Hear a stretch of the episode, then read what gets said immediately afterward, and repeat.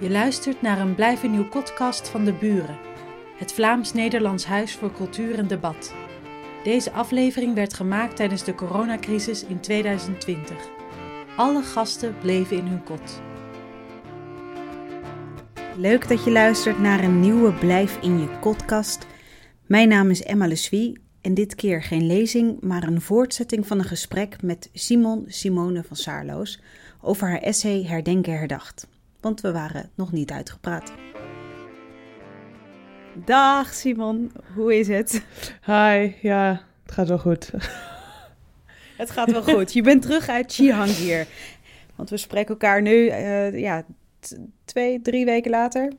Ja. ja, ik ben al wel weer echt even terug en ik heb ook al mijn quarantaine erop zitten, et cetera. Ik ben gezond gebleven, wonder boven wonder. En uh, ik wel in ieder geval, ja. En jij? Waar, waar, ben je nu dan? ja, ik, ik een beetje. Ik kwakkel nog wat voort van de corona. Maar um, ik zie achter jou een bank en ik zie uh, vlaggetjes. Was je jarig? Nee, ik niet. Maar uh, iemand in mijn leven was jarig. En uh, die kwam hier langs op de dag van de Amerikaanse verkiezingen. En toevallig waren wij ook huisgenoten in New York voor een tijdje. Dus uh, we hebben hier samen zowel haar verjaardag gevierd als dat de verkiezingen plaatsvonden. Op de dag van de Amerikaanse verkiezingen. Ja. Je zegt het met de hele mond vol. Hoe heb je deze afgelopen tijd beleefd? Want jij bent in Amerika geboren, toch? Ja, de Verenigde Staten. De uh, Verenigde Staten? Ja, ja. ja, inderdaad. Ja, ik, um, ik, ja, het is een interessant iets, want het, het, voelt heel erg zeikerig. Maar ik probeer zelf in ieder geval wel echt de Verenigde Staten te zeggen en niet Amerika, omdat het dan het continent uh, betreft. Maar goed, volgens mij uh, in Nederland merk ik dat ik een van de weinige personen ben, behalve mensen die zelf van het Amerikaanse continent komen. Uh, dus veel Braziliaanse vrienden bijvoorbeeld die zich heel erg storen eraan. En, en nu jij inmiddels ook. Ja, ja, ja, ja. Ja, maar ja, achter jou hangt een kaart van Suriname, of in ieder geval een deel van Suriname. Ja, een plantagekaart uit 1840. Ja, dat is ook het Amerikaans continent. Dus wie weet stoor jij je straks ook. maar ja, en, en is het dan wel Amerikaans continent? Ja, nee, natuurlijk ook niet. Nee? Nee. Nou ja, waar waren we? Ja, nou ja, goed, maar het is natuurlijk wel, hè, zeg maar, net als dat je, je... Ik denk dat het niet gaat natuurlijk over juist zijn. Dus het gaat niet over dat je de waarheid spreekt als je zegt het Amerikaanse continent. Dat is natuurlijk ook een, een vorm van uh, erasure of uh, weg, wegwassen van uh, andere waarheden. Alleen, ik denk dat het wel enigszins vergelijkbaar is met, met de erasure die er plaatsvindt op het moment dat je het over Afrika hebt in plaats van het Afrikaans continent. Uh, dat dat in ieder geval door veel mensen die uit het zuidelijke deel van Amerika komen, en dan heb ik het dus over het continent, als een vorm van erasure wordt ervaren uh, als het over Amerika gaat als, als land. En ik denk dat dat in, deze, in die zin niet zo vreemd is, omdat als je kijkt naar de ontzettende media-aandacht die er is voor de Verenigde Staten, dan kan je ook heel gauw gewoon denken dat dat ook het enige is uh, wat er aan, aan die kant, of aan die kant of aan die kant, afhankelijk van welk kaart je gebruikt, bestaat. Maar goed, ja. dat vroeg je niet. Je vroeg hoe het beleefd. Ja, ik uh, kom zelf uit New Jersey, daar ben ik geboren. Um, ik heb gestemd, uiteraard, weken geleden. Um, dus ik was een van die, die mail ballots uh, voters. De frauduleuze voter. Ja. ja, dat is dan nu de, de nieuwe geuzennaam. Maar hoe heb je dat beleefd, deze, deze afgelopen periode? Mm, ja, daar ben ik nog niet helemaal uit. Dat is je nog niet helemaal nog gedaald, geloof ik. Ja, voor mijn gevoel wel. Ja, ik was niet heel blij, moet ik zeggen. Toen het zaterdag bekend werd, was het zaterdag? Ja, volgens mij was het zaterdag dat Biden gewonnen had. Ik vond het, ik merkte dat het toen eigenlijk ook wel een soort grote rouw naar buiten kwam. Van het besef dat het dus vier jaar lang uh, onder het bewind en onder het geweld van Trump dat mensen daaronder hebben gele geleefd. En ik zelf eigenlijk ook. Ik woonde gewoon in New York tijdens Trump. En ik denk dat dus de realisatie. Ik had ook zo'n heel stom moment dat ik dan dacht van. Wow, er zijn heel veel mensen in mijn leven die ik eigenlijk alleen maar ken onder het presidentschap van Trump. En dat, dat is natuurlijk een hele beperkte formulering om te zeggen dat het genormaliseerd is geraakt. Hoe snel het toch weer genormaliseerd is geraakt. Ik merkte dat ik het heel fijn vond om met vrienden in contact te zijn, maar ik had denk ik ook wel stiekem een soort. Uh, nou, ik weet niet of het FOMO was, hè, fear of missing out, maar het was wel. vond het wel moeilijk om hier in een totaal stil Amsterdam uh, te zitten en te kijken naar de eruptie van blije emoties, in ieder geval in, in New York.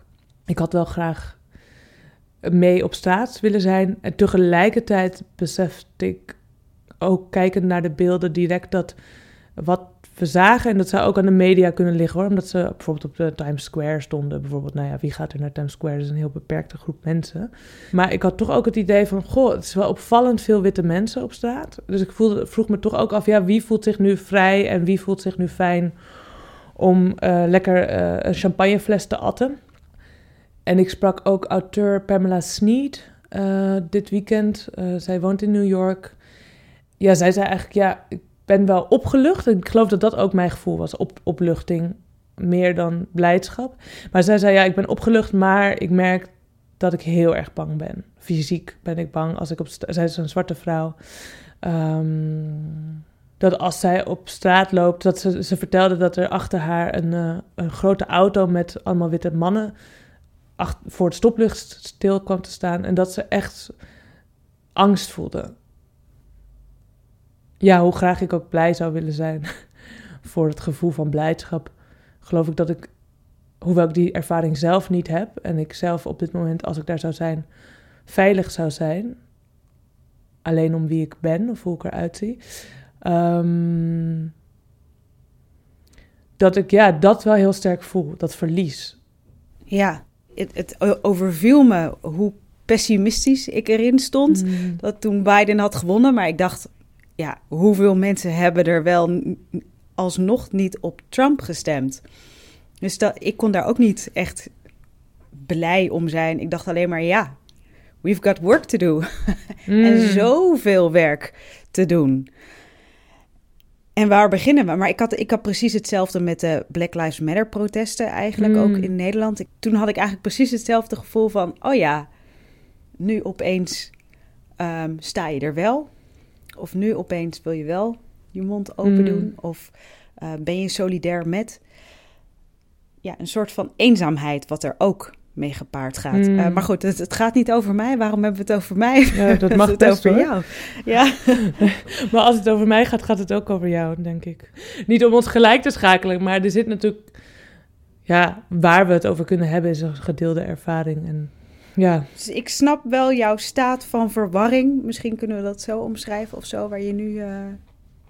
Nou, maar die eenzaamheid die je beschrijft, dat is het ook hoor. Het is ook de angst. En dat heb ik eh, ook door dus hier te zijn in Nederland de angst um, voor blijdschap. Ik ben, en, en dat is heel vervelend, want je wil natuurlijk, want je strijdt eigenlijk om te, te vechten voor het recht om te, om te vieren, in zekere zin. Hè? Of om, om, een, om blij te kunnen zijn, of zo, in een soort status quo.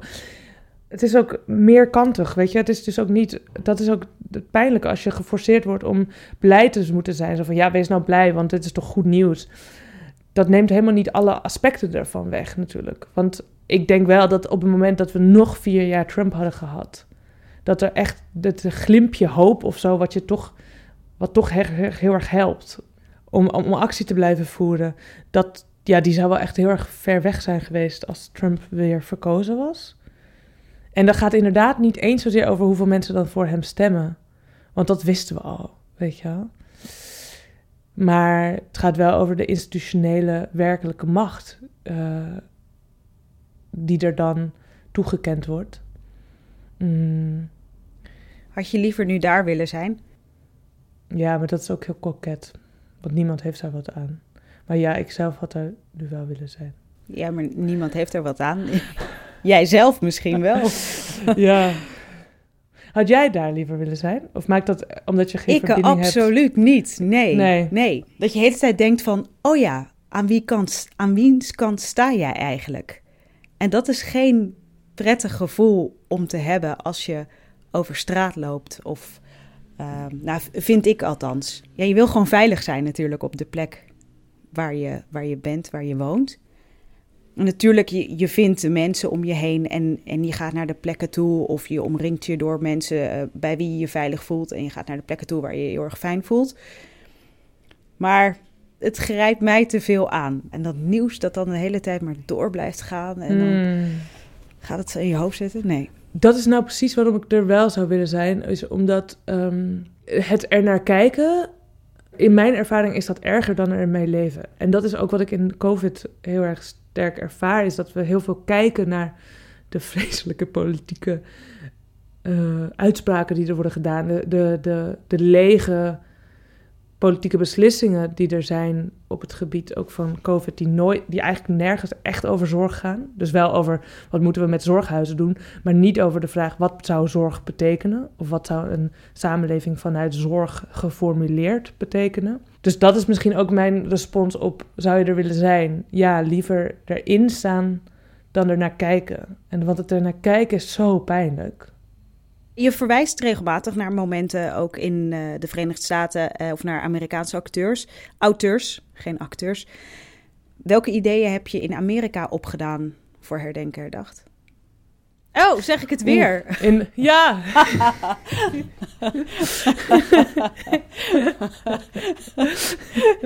ik trakteer volgende keer een biertje. oh, je hebt een sorrypot. ja. Ah ja, heel goed. Voel je je committed om de VS te zeggen in plaats van Amerika? Nou ja, weet je, het was misschien omdat ik zei Amerikaanse auteurs. Mm. Je hebt eigenlijk geen andere benaming, toch? Nee, ja, ik zeg in het, in het Engels zeg ik dan US American. Oké. Dus VS Amerikaans kan misschien. Ja, Ja. nooit over nagedacht. Nou, thanks. Nee, no worries. nou, Ehm, welke ideeën heb je opgedaan? ja, in de Verenigde Staten. En vooral dan ook in New York, moet ik eh, direct erbij zeggen. Ik heb het eh, grote geluk gehad om eh, bij Saidia Hartman te studeren. En Saidia Hartman is onder andere de auteur van Lose Your Mother. En eigenlijk gaat Saidia Hartmans werk over archief. Dus over geheugen, over geschiedenis en geschiedschrijving.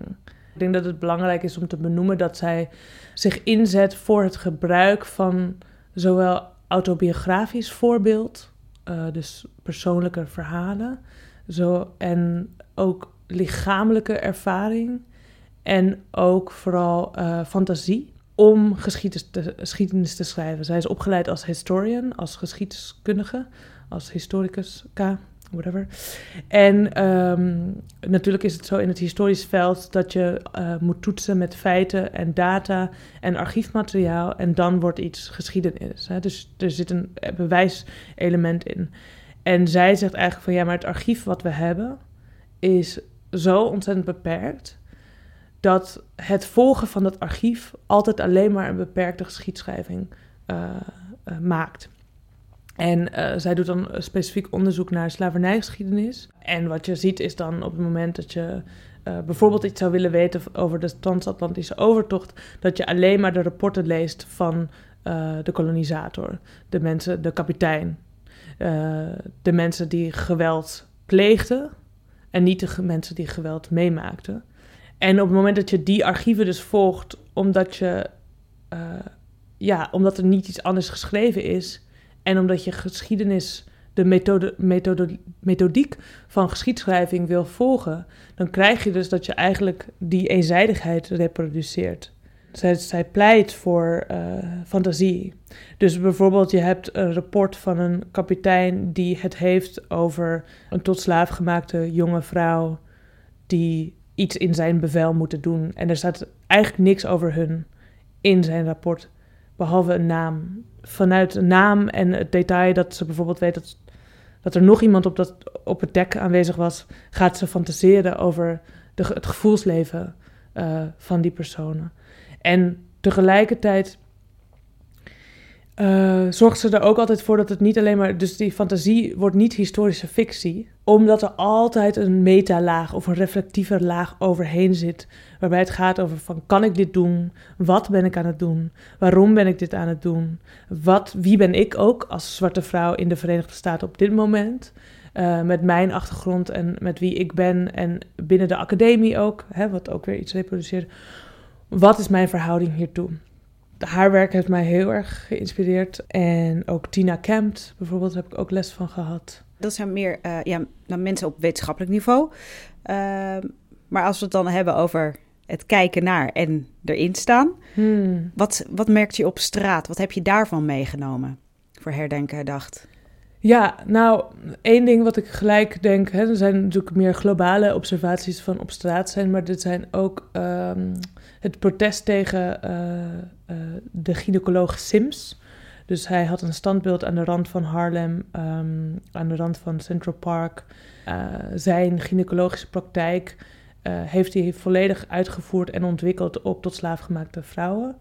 In Virginia, geloof ik, in de VS ik kan ingaan op zijn gewelddadige praktijk, maar er is gedemonstreerd tegen zijn standbeeld of bij zijn standbeeld. Het is besmeurd met bloed, et cetera. Of ja, met verf, moet ik dan rode verf. Uh, en uiteindelijk is het standbeeld naar beneden gehaald. En staat er, heel, vind ik heel mooi, nu op Google permanent gesloten.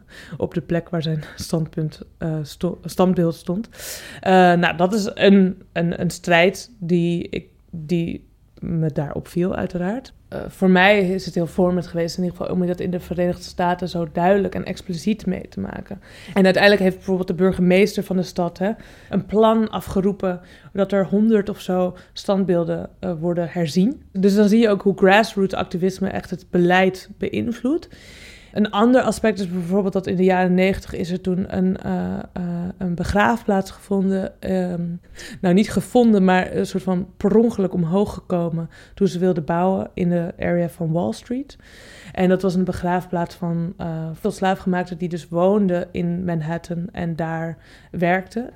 Als het over slavernij in de Verenigde Staten gaat, gaat het vaak over zuidelijke plantages. En dus er wordt nu veel georganiseerd om dus ook het stedelijke, de stedelijke slavernij, die verhalen te vertellen.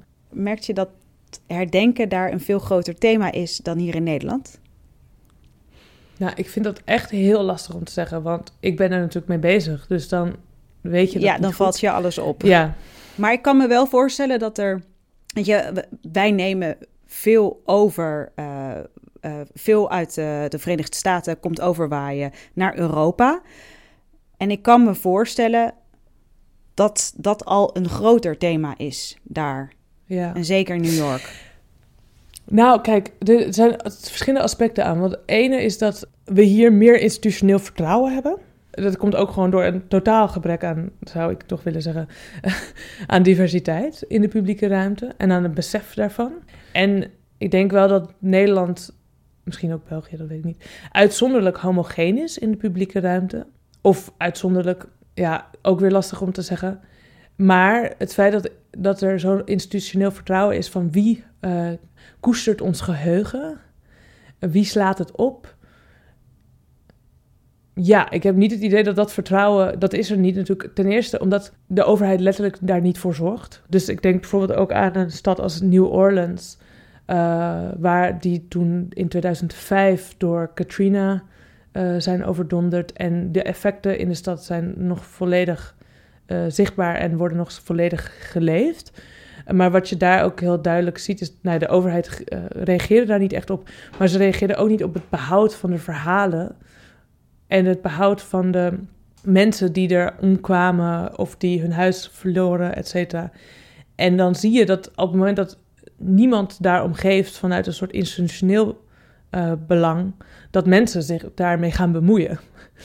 Uh, dus het, het besef van het belang van doorvertellen bijvoorbeeld. En ja, dat, ik neem aan dat je dat in Nederland ook ziet natuurlijk. Dat op het moment dat jouw geschiedenis niet wordt gerepresenteerd, in Nederlandse media. Dat, uh, dat het belang toeneemt onder, van, voor personen onderling of families onderling om dingen door te geven. En ik denk het andere aspect is dat, het, dat geheugenstudies of memory studies in, de, of in Europa eigenlijk ook een heel uh, een grote toename heeft gehad. Omdat de generatie die de Tweede Wereldoorlog heeft meegemaakt uitsterft. En dat heeft heel erg geleid tot een academische toename uh, van uh, ja, hoe kunnen we eh, herinneren en hoe kunnen we herdenken. Alleen dan zie je dus dat de Tweede Wereldoorlog daarin gecentraliseerd wordt. Zouden we nu al de uh, Black Lives Matter protesten kunnen herdenken of de coronacrisis? Wanneer is eigenlijk het moment dat je begint met herdenken? Ja, dat is inderdaad een hele belangrijke vraag. ja, nou, ik zou ten eerste zeggen dat uh, Black Lives Matter op zichzelf al een vorm van herdenking is. Uh, dus wat ik ook in Herdenker dacht schrijf, is, is dat de protesten op zichzelf kunnen ook als een herdenking worden gezien. En dan hebben we het dus ook weer over geluid. En daarom noemde ik eerder uh, geluid en het belang van hoe, hoe stilte wordt gezien als een vorm van herdenken bijvoorbeeld, of contemplatie. Uh, terwijl uh, oproer en hard schreeuwen, leuzen schreeuwen of pannen slaan niet als een vorm van herdenken wordt gezien, maar als een soort actie. Maar dat er in activisme en in, uh, en in luidruchtigheid um, en het verdriet wat daarin getoond kan worden, dat dat ook een vorm van herdenken is. Dus, ik, ja, dus mijn eerste antwoord zou in zekere zin zijn van, nou ja, de protesten zijn ook een vorm van herdenking. Maar staan we daarbij stil? Ik denk dat Black Lives Matter in die zin echt een voorbeeld is van waarin het herdenken heel duidelijk wel centraal staat. Want de lijst met namen van mensen die we zijn vermoord, en ook in Nederland, uh, die, die wordt wel uh, geciteerd. Dus ik denk dat daar wel redelijk besef is van dat het herdenken is. Uh, wordt het als herdenken erkend? Ja, dat is dan een tweede. En daarnaast inderdaad wat je benoemt van wanneer sta je stil? Of wanneer kijk je terug? En dat is precies, denk ik, het verschil tussen uh, geprivilegeerd geheugen en uh, minder geprivilegeerd geheugen, als je dat even zo kan klassificeren. Waarbij geprivilegeerd geheugen uitgaat van een onderscheid tussen toekomst, heden en verleden. Omdat je uh, kunt uitgaan van een afronding. Ja, wat je als geschiedenis kunt beschouwen. Dus een oorlog bijvoorbeeld. Daarom zijn we denk ik ook goed in het herdenken van een oorlog. Omdat we dan zeggen van ja, die is afgelopen.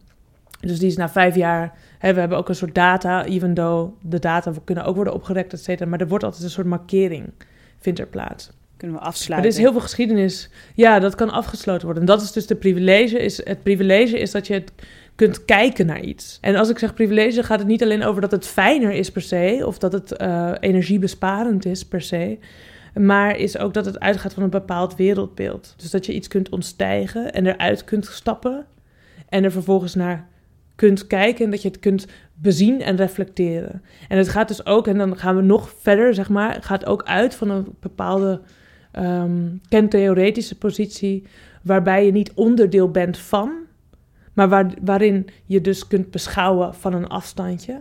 En waarin beschouwen van een afstand als grotere kennis of als een soort van hogere kennis wordt gezien dan het gewoon er middenin zitten en het meemaken. En dat erdoor worden overgenomen wordt in het rationele onderscheid van iets zijn of ernaast staan, uh, wordt minder goed gezien of minder betrouwbaar dus daarom hebben we ook het onderscheid subjectief en objectief. Omdat er een soort verwachting is dat je ergens buiten kunt staan. En ik denk dat juist uh, denkers zoals de mensen die ik net beschreef, zeker Saidia Hartman, zouden pleiten dat er geen buiten is. Saidia Hartman is opgeleid als historica. Maar het feit dat zij historica is, betekent nog niet dat zij, zich, dat zij kan kijken naar de slavernijgeschiedenis als iets wat is afgesloten en gebeurd omdat alles wat zij meemaakt als zwarte vrouw op dit moment en het geweld jegens haar lichaam of de angst die zij moet hebben, is daar nog een voortbrengsel van. En is dus de vraag: is het, is het een voortbrengsel of leven we eigenlijk in een tijd die veel minder duidelijk te onderscheiden is? Dus veel minder het idee van: ja, maar dat is lang geleden. Ja, maar wat is dan precies lang geleden? Want als ik de effecten daarvan leef,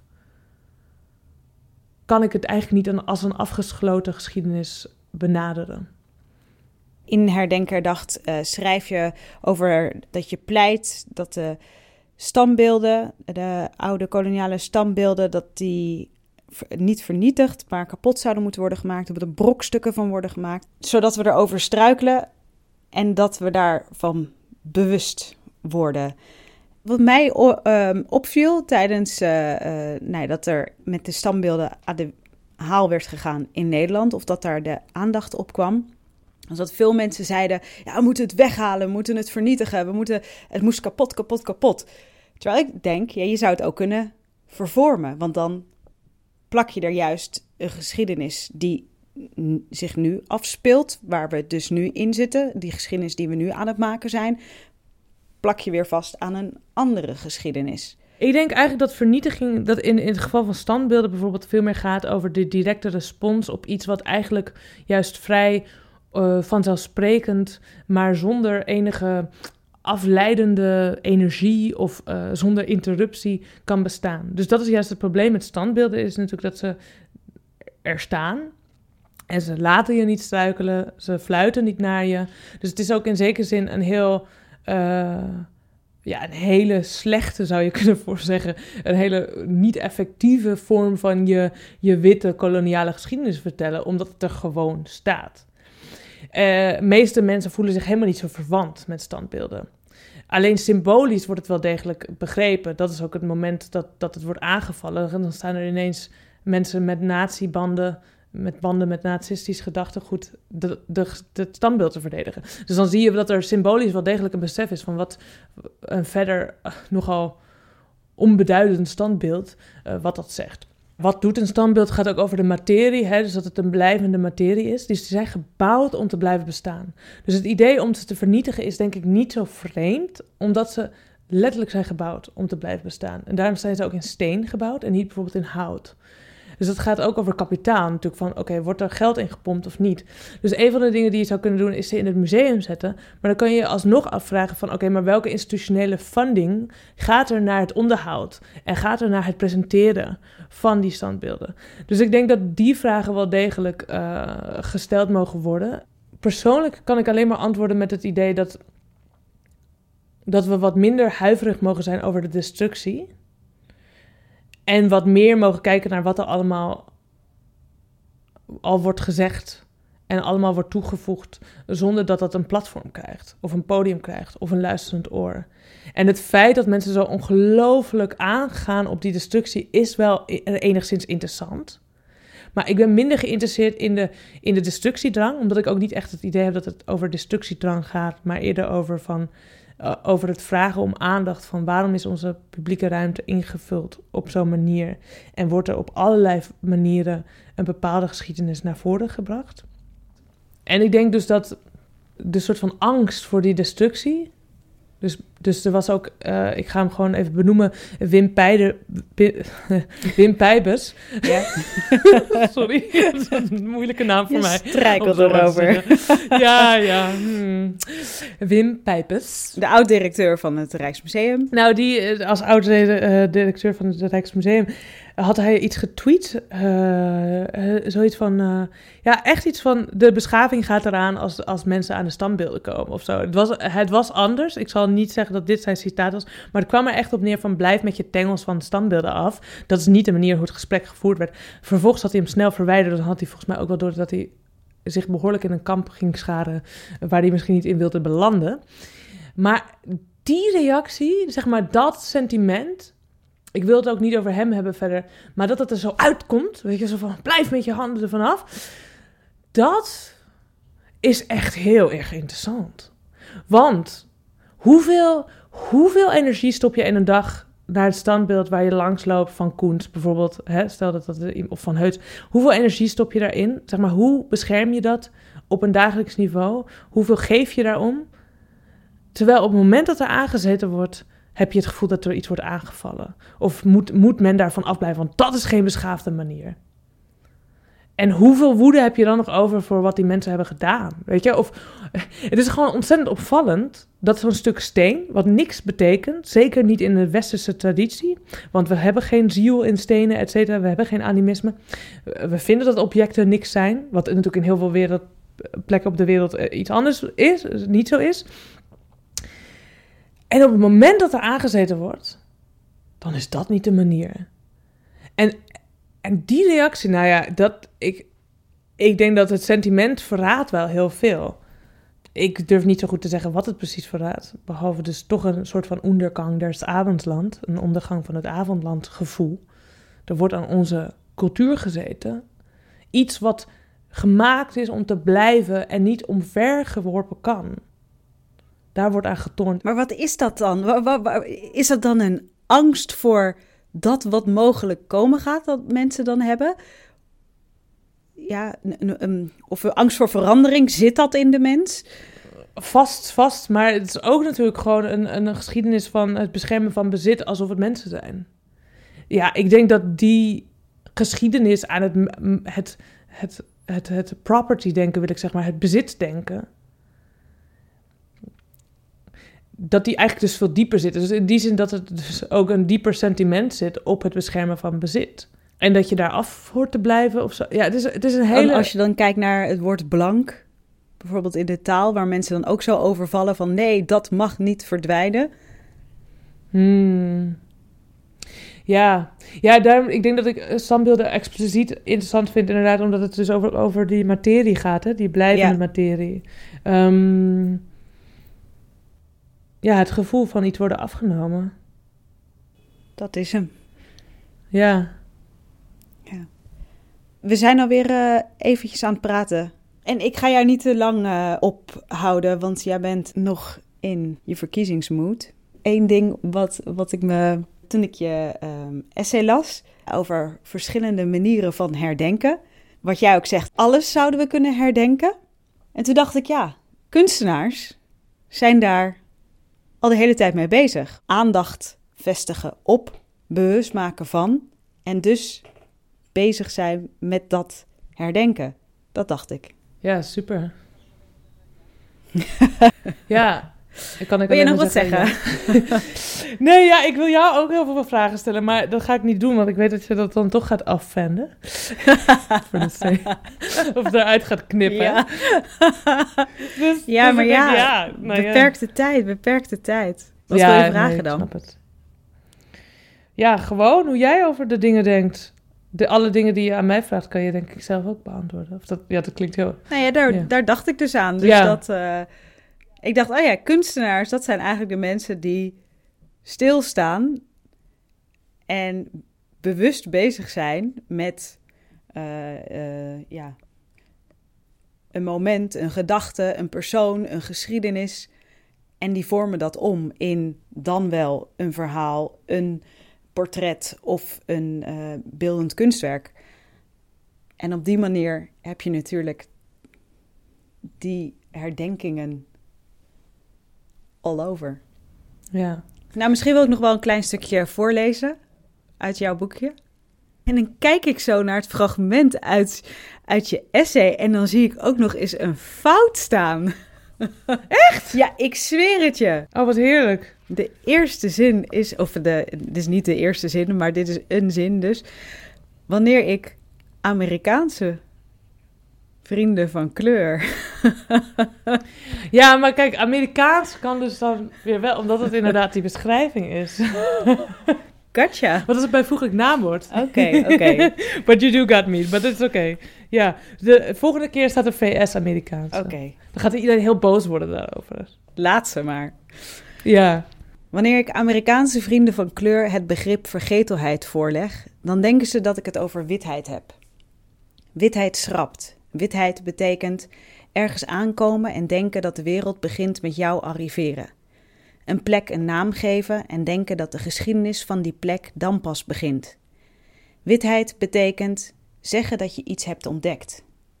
Witheid betekent iets voor het eerst horen en denken dat deze voor jou nieuwe informatie nog niet zo lang relevant kan zijn. Witheid betekent poenie als een nieuwe naam voor vagina presenteren op een nationale nieuwsite, terwijl dit woord al lang wordt gebruikt, onder meer door Surinaamse Nederlanders.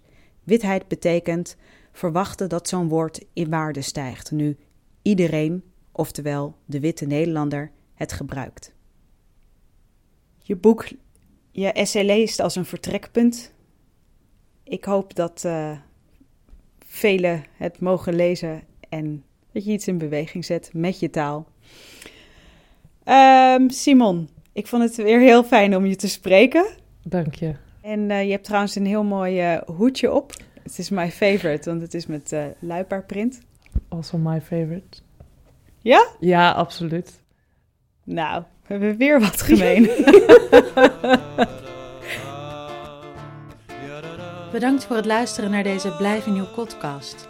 Ontdek meer via het podcastkanaal of de Soundcloud van de buren.